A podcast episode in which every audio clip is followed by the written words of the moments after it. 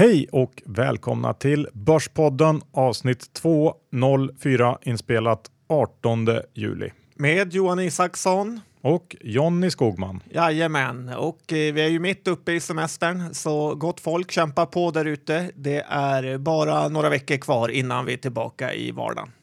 Så är det John. Um, vi har tagit en liten paus i vår semester för att gå in och snacka rapporter helt enkelt. Det är ju mitt uppe i brinnande rapportperiod just nu. Ja, det är ingen börspodd utan en rapportspecial. Eh, Så är det.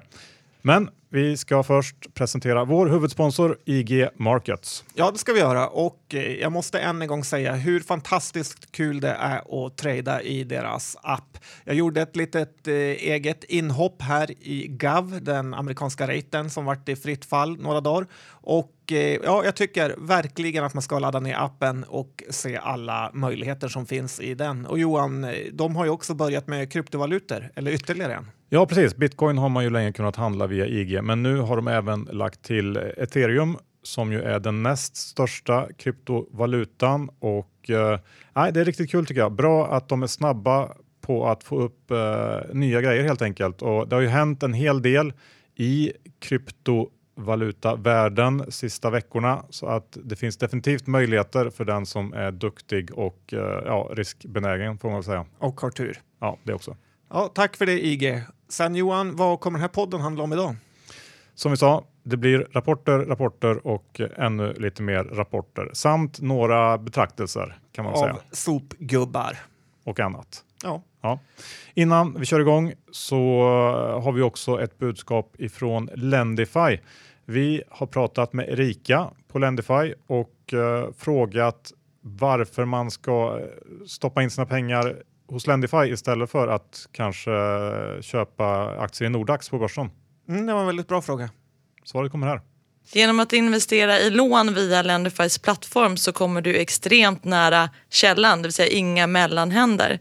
Sen investerar du direkt i lånen, eh, så du har ju ingen risk på själva bolaget och du tar ingen risk på aktiemarknaden heller, utan du investerar i lånen och får avkastning på det.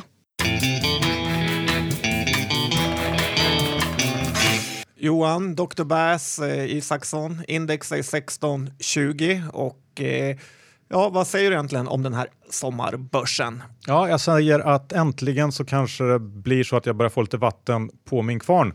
Jag ser två, två anledningar. Om vi börjar med den första. Den svenska kronan har ehm, ja, varit väldigt, väldigt eh, stark eller kanske så att dollarn har varit svag. Jag vet inte riktigt, det beror på hur man ser det. Eh, sista tiden. Hur som helst, den här dopingkuren som vi haft av eh, en svag krona börjar ju avta och det här, eh, det här märks ju och kommer framförallt märkas framöver hos eh, många av våra, våra svenska bolag.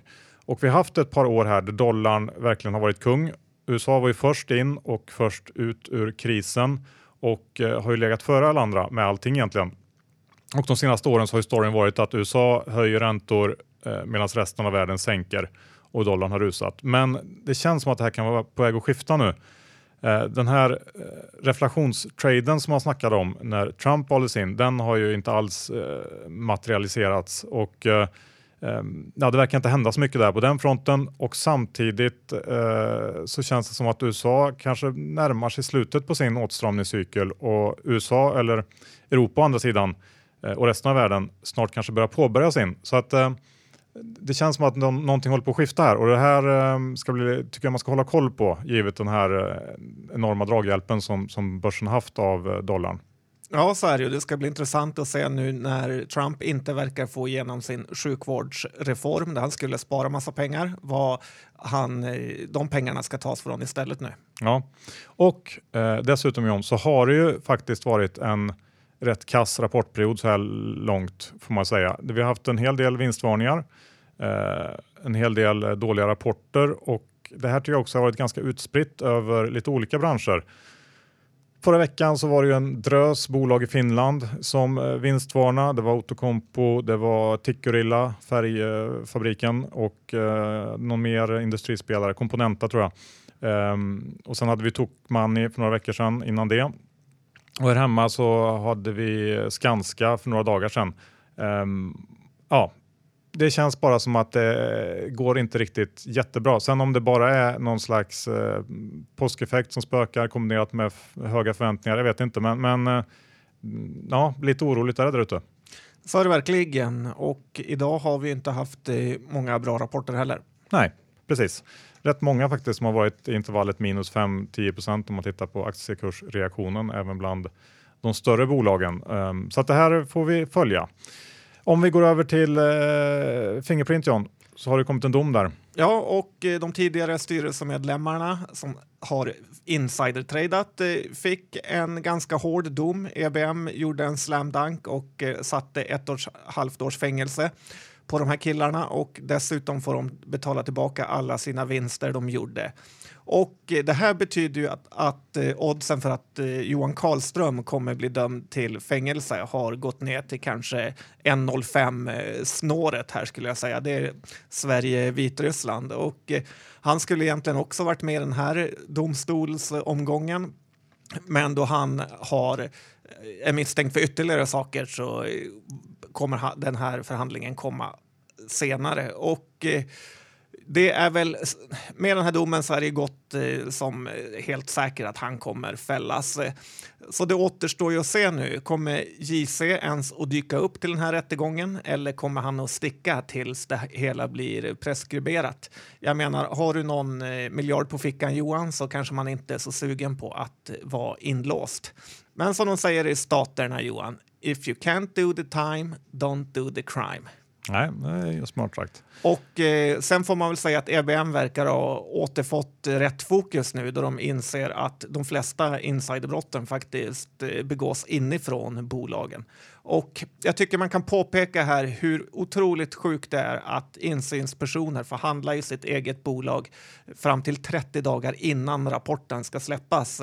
Vilket innebär till exempel för den här, det här kvartalet att eh, bolag som rapporterar i slutet av augusti fortfarande kan köpa eller sälja aktier. Och eh, hur troligt är det då att en sån insynsperson inte har mer info än andra? Så ja, jag tycker det är en väldigt konstig regel, Johan. Mm, ja, men jag håller med om det. Det borde man kanske titta på. Eh, några som klarade sig däremot var ju trion eh, Borg, Boman och eh, Lundberg. Ja, det gjorde de. Och Eh, det här var ju då angående de yviga jakterna som åklagaren sa på Holmens eh, bekostnad. Och eh, jag kan ju tänka mig att det var väldigt skönt för svenskan eftersom det hade ju varit brutalt pinsamt för dem om eh, de personerna som de hjälpte att ge makten till i Handelsbanken och industrivärlden hade blivit åtalade. Men det som tidningen eh, satsade på att sänka har visat sig inte gjort något fel. Så det var nog en liten eh, lugnande känsla där. Ja, precis. Ska vi gå över till eh, sopbolaget Rena Norden och härvan där som ju har spritt sig och eh, ja, nått eh, utanför börsen. Ja, det har de gjort. Eh, de strejkar ju som alla vet. Jag tror väl att det nästan är över nu. Och eh, måste säga att det är intressant att se hur mediadrevet verkligen vänt sig mot de här eh, stackars sopgubbarna. För jag står upp på sopgubbarnas sida, Johan. Ja, det är klart du gör. För tänk om till exempel Capio hade signat sig en deal med Sankt Görans sjukhus som var jätte, jättedålig och då enda sättet de kunde rädda sig det var att sänka läkarlönerna till hälften och eh, sjuksköterskelönerna till en tredjedel. Då kan ni snacka om eh, strejk. Ingen gillar ha sänkt lön och eh, jag personligen tycker inte att det är sopgubbarnas fel att Reno Norden är ett värdelöst bolag. Nej. Å andra sidan så verkar det finnas folk som kan tänka sig att göra det här jobbet för lite lägre lön också. Ja, så är det. Och det är ett problem för sopgubbarna att deras eh, kompetens kanske inte är den allra yttersta med eh, eh, lastbilskort och tatueringar som krav. Och livets hårda skola. Nej, så är det. John, innan vi avslutar första delen så ska vi påminna om erbjudandet från Nextory, eller hur? Ja, det ska man göra, för det är ju sommar. Passa på att läsa en bok. Ja, exakt. Och Nextory har ett enormt utbud av både e-böcker och ljudböcker. Man får 30 dagar gratis lyssning av Börspodden eller i samarbete med Börspodden genom att gå in på nextory.se kampanj och fylla i koden Börspodden. Och är man eh, sugen på bara lyssna gratis, ja då säger man upp det efter 28-29 dagar sådär. Och signa på frugan. Ja, så kan man göra. Eh, ja, vi har ju tipsat om lite olika böcker här. Vi har eh, Tronstriden, Jens P Nordström, Sapiens. Vad har vi mer? Ja, jag har lyssnat på till förbannelse kan jag säga Mamma Mu på eh, ljudbok i bilen under min resa till Danmark. Ja. Så väldigt bra med barnböcker också.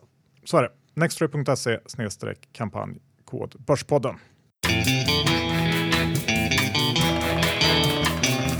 Okej John, nu är vi framme vid rapportsnacket, det vi har väntat på. Ska vi kanske bara lite snabbt gå igenom eh, dagens stora rapport, Ericsson? Ja, gärna. Det var ju en katastrof och jag tror Kricke G inte är så nöjd när han sitter och räknar förlusterna i hundratals miljoner.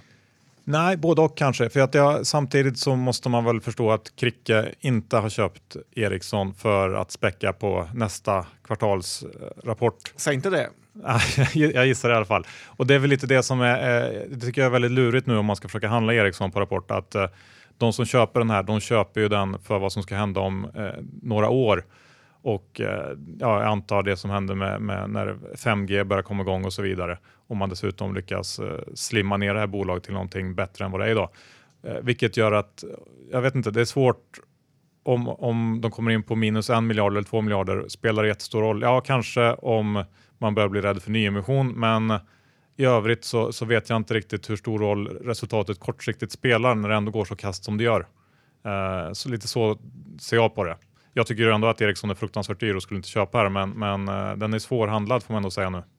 Ja, det är lite svårt att se vad Christer Gardell ser i det hela. En eloge får man ge till honom att han kan ju inte ha no haft någon som helst eh, information eh, då han köpte på sig, då den här rapporten var ju ja, fullständigt usel. Nej, nej, men som sagt, han ser nog lite längre fram än så.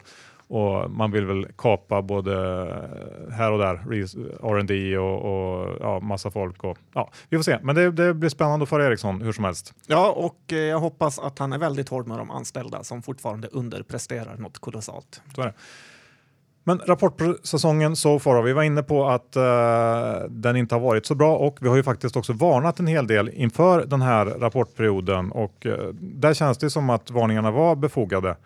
Uh, om det bara är någon slags underskattning av påskeffekten eller om det finns en underliggande svaghet här, det får vi väl se lite längre fram kanske. Men personligen så tycker jag i alla fall att det inte känns som att det är läge att vara jättetuff här och, och försöka spela Allan Ballan med tanke på de värderingsnivåer vi också har på marknaden just nu. Så då krävs det bättre än så här. Men, men ehm, ska vi gå ut med verkstad först kanske? För ja. där har ju många av de stora rapporterat. Ja, det har de gjort. Ja, och där är ju frågan eh, om det är dags att stänga igen butiken och eh, om vi har sett toppen i verkstad helt enkelt. Eh, för att efter de här rapporterna som kommit in i sektorn så här långt så, så eh, är den frågan befogad. Eh, blir det bättre än så här eller inte? Speciellt om man då också tittar på dollarn som vi var inne på och ehm, värderingarna som ligger på i många fall eh, P-tal över 20 vilket då indikerar att man, marknaden i alla fall tror att det här ska vidare upp en bra bit och att vi absolut inte är i närheten av någon, någon topp än. Eh, men Sandvik som eh, rapporterade igår där började det med att rapporten hade läckt, eh, eller man ska säga, Bloomberg hade fått tag på den innan vilket skapade en hel del oordning. Och det här berodde då egentligen på att eh, man hade ett styrelsemöte innan rapporten som eh, man lyckades avsluta snabbare än väntat och då beslutade man sig för att släppa rapporten tidigare än väntat och eh, i samband med att man la upp den på hemsidan så hittade Bloomberg den med hjälp av någon algoritm eller vad det nu kan vara.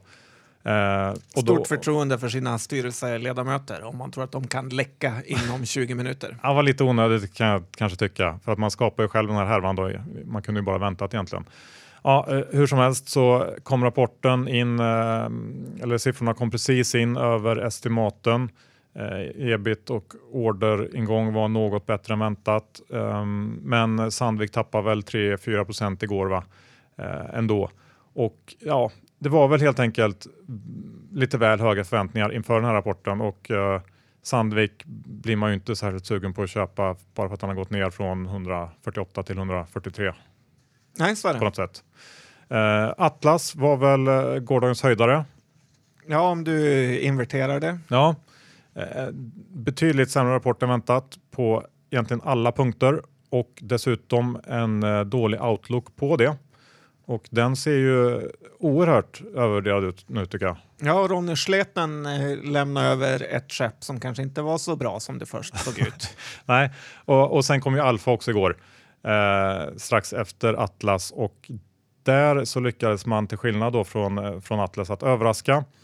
Eh, och det kanske väl delvis berodde på att eh, de själva var lite försiktiga i guidningen, det påpekar vdn i, i samband med, med förra rapporten. Och det kändes också som att det fanns en, en uh, liten oro i marknaden här för Alfa, för deras liksom, marin och, och de delarna som har varit lite svagare. Um, och det här hjälpte väl då uh, aktien att ändå gå upp 3, 4, 5 procent kanske till och med. Ja, det var en av de mest svårhandlade rapporterna någonsin då resultatet först kom in lite sämre och sen såg det ut som att de sänkte prognosen för eh, efterfrågan för nästa kvartal också. Så att det var lätt att tro att den skulle krascha, men istället gick den upp. Ja, och det var väl också kanske framför allt det som stack ut som positivt var väl en, en fin orderingång där. Um, men, men jag håller med om att optiskt sett så har det varit svårt att se någon jätteskillnad i styrka på Sandviks rapport om man jämför med Alfas rapport till exempel. Eh, jag tyckte inte att de skilde sig så mycket åt, men eh, det blev ju 5% 4-5% åt helt skilda håll där. Så att eh, påminnelse om att rapporthandel kan vara lurigt. Men hur som helst, om vi bara sammanfattar de här tre så känns det ju som att verkstad antagligen får det tufft framöver. Ja, det tror jag också. Och Boliden var kanske först ut med det i förra kvartalet när de kom med en riktigt dålig rapport. Ja, Ska vi ta ett, eh, ett, uh, gå in på kanske mm, mat, matrelaterade uh, aktier? Jag tänker på Xfood och Cloetta som jag har rapporterat. Ja, Cloetta har jag tittat på och det här bolaget fick ju verkligen tugga klubba de senaste dagarna får man säga. Marknaden som ibland är dummare än man tror har ju handlat upp eh, Cloetta-aktien på det här köpet av Candy King. Eh, aktiens resa från 30 kronor till 36 slutade i en krasch och eh, nu är den åter under 30-lappen där den kanske bör vara. Folk har ju också snackat om uppköp, men Cloetta är ju till stor del faktiskt ägt av en stiftelse där det står i stadgarna att de ska bedriva eh, chokladverksamhet, vilket gör det lite som VBG nästan omöjligt att eh, bli uppköpt. Eh, däremot är det ett samgående som kan hända och eh, det har de ju försökt med Fatser, vilket blev en eh, katastrof. Eh, så det är väl kanske inte heller jättetroligt. Däremot fungerade det ju väldigt bra med LIF och det var kanske därför de gjorde det här omvända eh, förvärvsknepet då LIF var mycket, mycket större än Cloetta. Det här är ju en aktie man ska köpa när den går ner och sälja när den har gått upp och ibland behöver det inte Till vara... Till skillnad från övriga aktier? Nej, men den här är, det här är ju ändå någonstans kvalitet i Cloetta. Och eh, P-talet för i år är ju just över 20 och eh, nästa år då 2018 ska det gå ner mot just eh, kanske 17, 18. Så ja, utan tillväxt är det ju ganska stabilt, eh, men den är inte värd mycket mer än så. Inget fynd än helt, helt enkelt? Nej. Nej. Och Axfood då var ju hyfsat stabilt som vanligt, men ändå åt det svaga hållet tycker jag. Och samma sak här då som med, med övriga bolag egentligen på börsen. Man kanske ska vara lite försiktig med det med tanke på värderingen. Och framöver så får man nog räkna med att de kommer att öka kampanjaktiviteten en del och även att de kommer att ta lite ökade kostnader för näthandeln och att det kommer att hålla tillbaka lönsamheten, eh, handlas till en rejäl premie mot eh, andra dagligvaruhandlare i Europa och ja, väldigt svårt att se någon uppsida här eh, baserat på det. Eh, ja, det blir nog bara att eh, avvakta den. Ja, så tycker jag också. Kanske sälj. Ja, kanske till och med. Ska vi gå över till, till byggarna då, om man klumpar ihop det på något sätt. Eh, JM, Skanska, vi har Byggmax som också kommit, eh, Inwido.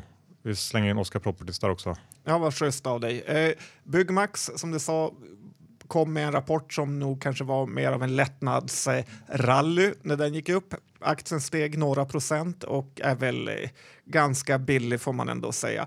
Personligen trodde jag att den här rapporten skulle vara ännu bättre då påsken gjorde så att eh, många privatpersoner fick eh, extra dagar på sig att snickra lite på. Byggmax är ju ett eh, privat byggbolag kan man säga som gynnas av hemmabyggarna. Skånska Byggvaror fortsätter ju att vara en absolut eh, skam. Försäljningen minskar med 12 procent och eh, här känns det som att de har blivit rejält lurade. Nästa lite så att jag tycker synd om den nya vdn som fått ärva den här av Ratos eh, nya posterboy. Och eh, efter att ha sett hans förvärvsförmågor så får jag väl sätta ultrasälj på Ratos. Eh, hur som helst, eh, resten av Byggmax är ju okej okay och eh, PP tal kring 12 är ju inte jättefarligt. Dessutom så gillar ju börsen på många sätt att handla bolag på såna här säsongsmönster. Ni vet Skistar på vintern och eh, Byggmax har ju nu väldigt bra kvartal framför sig i Q3 då folk snickrar under sommaren så att den här aktien kan nog fortsätta gå kanske. Möjligtvis. Lite så här varning kan jag tycka för att många av de här som man har trott skulle tjäna på påsken med, med, olika typer av konsumtion inte har gjort det. Det verkar inte som att folket är ute och handlar så mycket som man kanske har trott. Nej, de kanske börjar gå i kyrkan igen. Möjligtvis. Ehm, tittar vi på de här stora byggarna, då, JM och Skanska, så Skanska vinstvarnar ju faktiskt. Eh, och JM tappade ganska rejält på sin rapport också. Eh, JM, där var resultatet bättre men det spelade mindre roll när både byggstarter och sålda lägenheter var lägre än väntat. Eh, man snackar om hårdare bolåneregler i både Norge och Sverige som påverkar och det här skapar ju i sin tur en ganska befogad oro för den framtida bostadsförsäljningen. Och om man fortfarande tror på din Skogman Topp så är ju det här en hyfsad kortning då får man säga. Ja, ska det vara. Ja. Skanska då, de vinstvarna eh, på grund av stora nedskrivningar i USA och England. Lite oklart där hur omfattande de här problemen är, men inom den här anläggningsdelen i USA, där pratar man om lägre produktionstakt och eh, förseningar som orsaker till nedskrivningen. Och bland de svenska bolagen så var väl Skanska en av de liksom, mest största Trump-tradesen om man säger så. Det är, de skulle ju tjäna satan på infrastrukturprojekt i USA. Lite kul att, eh, att eh, där det verkar brista så här direkt. Um, känns inte jättekul kan jag tycka, varken, varken GM eller Skanska. Ja, där får man ge Fredrik Lundberg en eloge som vill sälja den utländska byggdelen i Skanska då den är för riskabel och där verkar han ju ha rätt. Ja, och går vi lite längre ner i bolagsstorlek så hade vi Inwido igår som kom med en usel rapport. Den lilla fönstertillverkaren. Um, omsättningen var okej okay, men resultatet kom in 16 procent faktiskt under konsensus och där skyller man på produktionsstörningar i Sverige och problem med säljorganisationen i Finland. Och vd pratar om att det här är av övergående karaktär. Eh, men det är ändå oroande får man ju säga. Det, det, och ännu ett sånt här liksom lite odefinierbart svaghetstecken bland rapporterna. Man skyller på någonting sådär men, men eh, ja, det gick inte bra. Ja, det blir pinsamt för honom om det inte är övergående i nästa kvartal. Ja, sen, sen är ju Inwido, Inwido ser hyfsat lågt värderad ut, men eh, i likhet med Byggmax, men det kanske de ska vara de här på topparnas topp. Ja, det är många som säger det Johan. Ja. Eh, Oscar Properties då? Ja, om du vill prata lågvärderat bolag så har du kommit eh, helt rätt. Det här var ju en väldigt fin rapport och eh, mycket av vinsten är ju såklart lite värdeförändringar, men Bolaget måste kanske vara det lägst värderade av alla på hela Stockholmsbörsen. Eh, dock verkar ju som sagt börsen och marknaden helt säker på att eh, Oscar snart kommer tas på sängen av det Skogman Topp som det snackas mycket om där ute.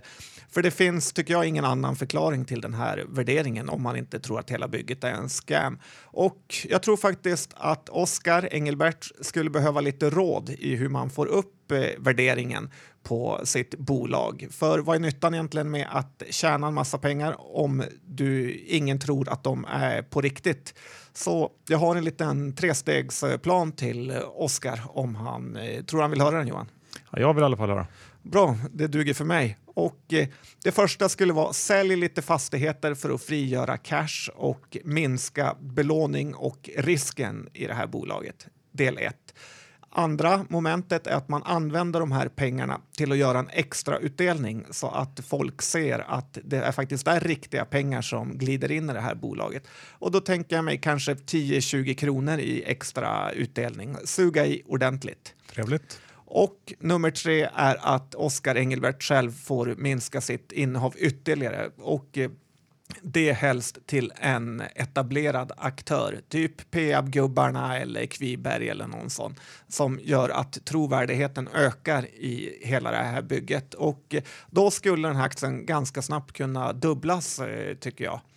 Eh, en trade som annars skulle vara lite intressant är ju att man blankar JM och istället köper Oscar Properties.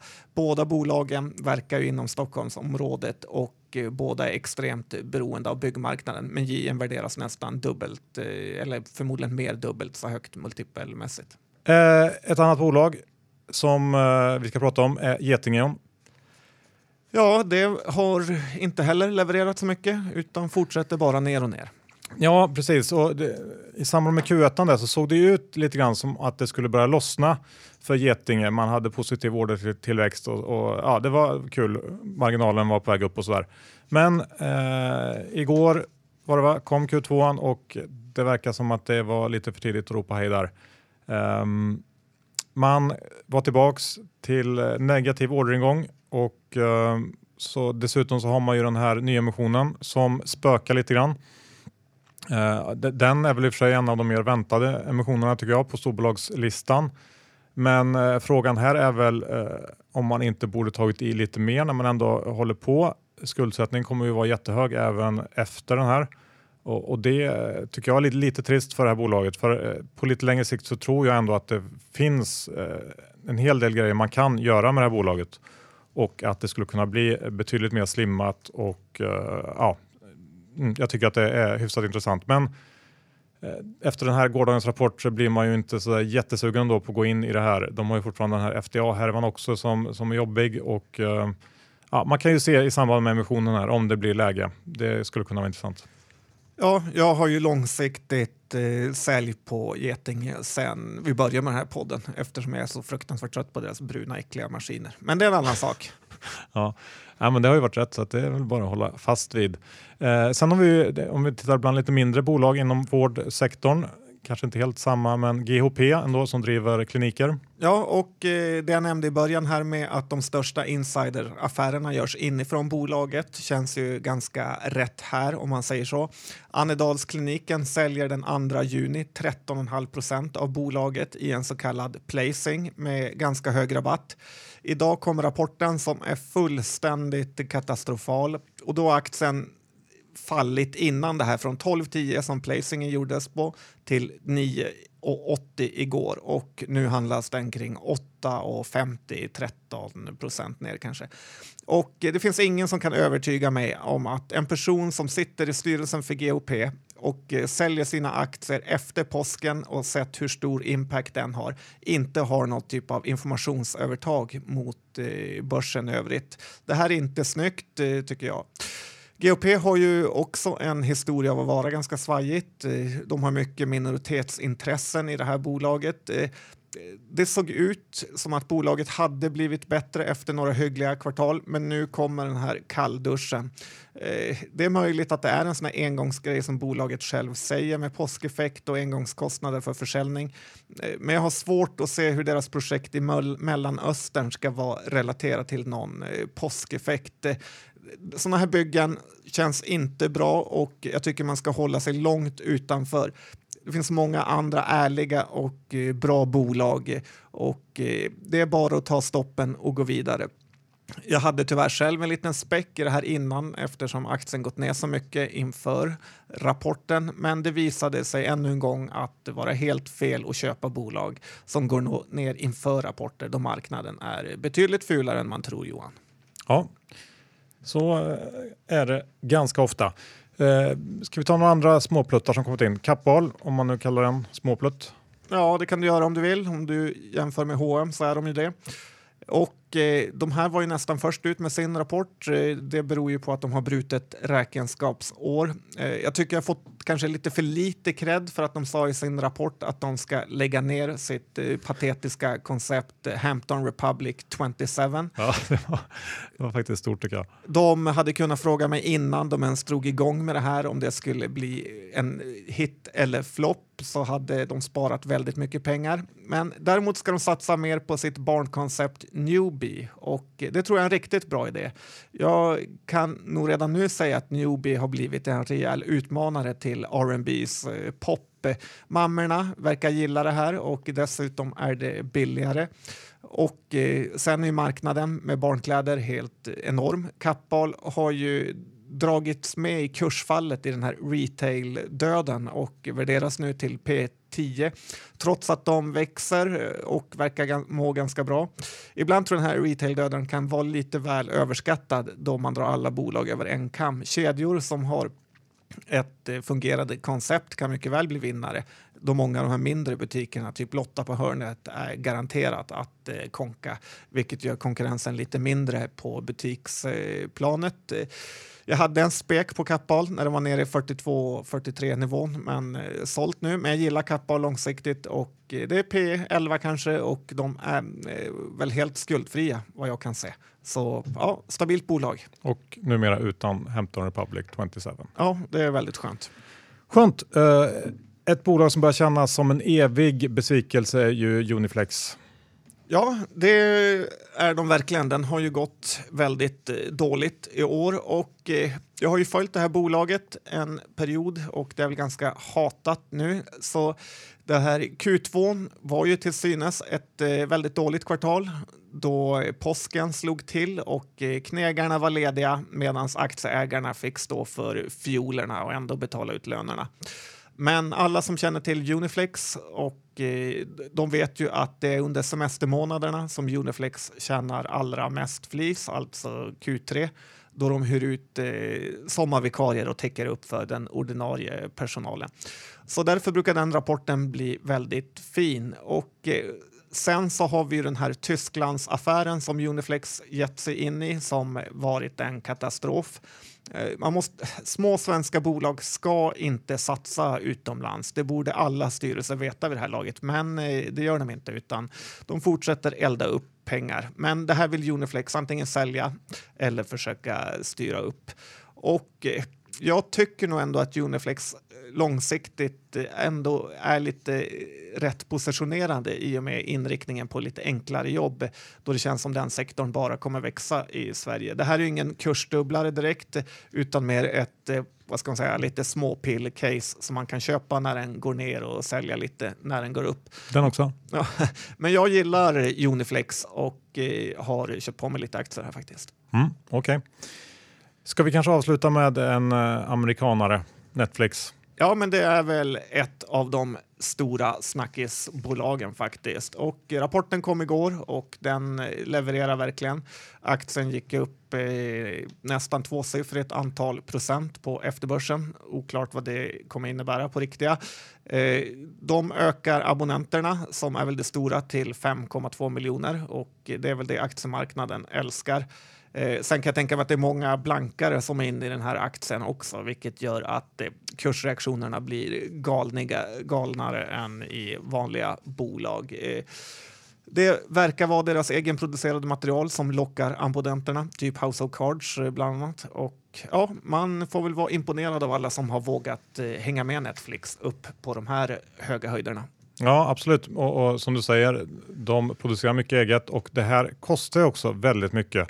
Och man pratar inte så mycket om det, eh, men eh, faktum är att även kassaflödet nådde nya rekord och då inte i positiv bemärkelse utan eh, negativ. Det fria kassaflödet uppgick till eh, drygt minus 600 miljoner dollar under det här kvartalet och väntas hamna i intervallet 2 till 2,5 eh, miljarder US-dollar på helåret negativt. Då. Och så här väntas det fortsätta i många år till.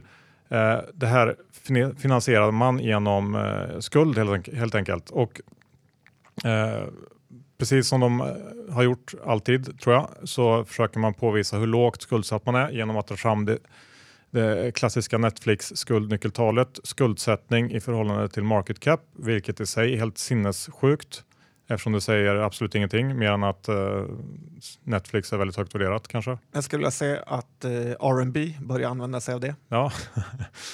uh, jag tänker att man, man, det man borde fundera på när det gäller Netflix är väl vad egentligen varje ny kund är värd. vad kostar de att få in? Hur hög är körnen som man säger och så vidare. Det är ja, väldigt mycket drömmande i Netflix nu kan jag tycka och eh, svårt att uh, veta vart det ska ta vägen. Det är såklart jättefarligt att blanka men jag skulle aldrig våga vara lång den här aktien. Nej, Magnus Andersson på fundamentalanalysbloggen älskar den däremot. Så där är hon. Avsnitt 204 avslutat. IG Markets är vår huvudsponsor och de har precis lanserat möjligheten att handla ethereum som ju är nummer två i kryptovalutavärlden. Skoj tycker jag. Ja, det är bra gjort av dem att ligga i framkant. IG Markets, öppna konto. Ja. Och Lendify, där har man möjlighet att skapa sig en alternativ intäktsström genom att låna ut pengar. Så är det. Vi har konto där, vi är nöjda och Erika inger förtroende. Mm. Är man sugen på att läsa eller lyssna på böcker då är det Nextory som gäller i sommar. Med Börspodden som kampanjkod så får man 30 dagar gratis. Nextory.se kampanj. Och John, vi får inte glömma att gå igenom vilka bolag vi äger eller är korta som vi har diskuterat i dagens avsnitt. Hur är det med dig? Du pratade om Uniflex, var du lång? Ja, det är jag. Jag är också lite lång Oscar Properties för jag vill se om han kommer hyra in mig som konsult. Så efter det har jag inget mer Johan. Nej, och jag är varken lång eller kort något av bolagen vi har pratat om idag. Så då återstår väl inte annat eh, än för oss Johan att säga ha en fortsatt trevlig sommar. Verkligen. Hej då!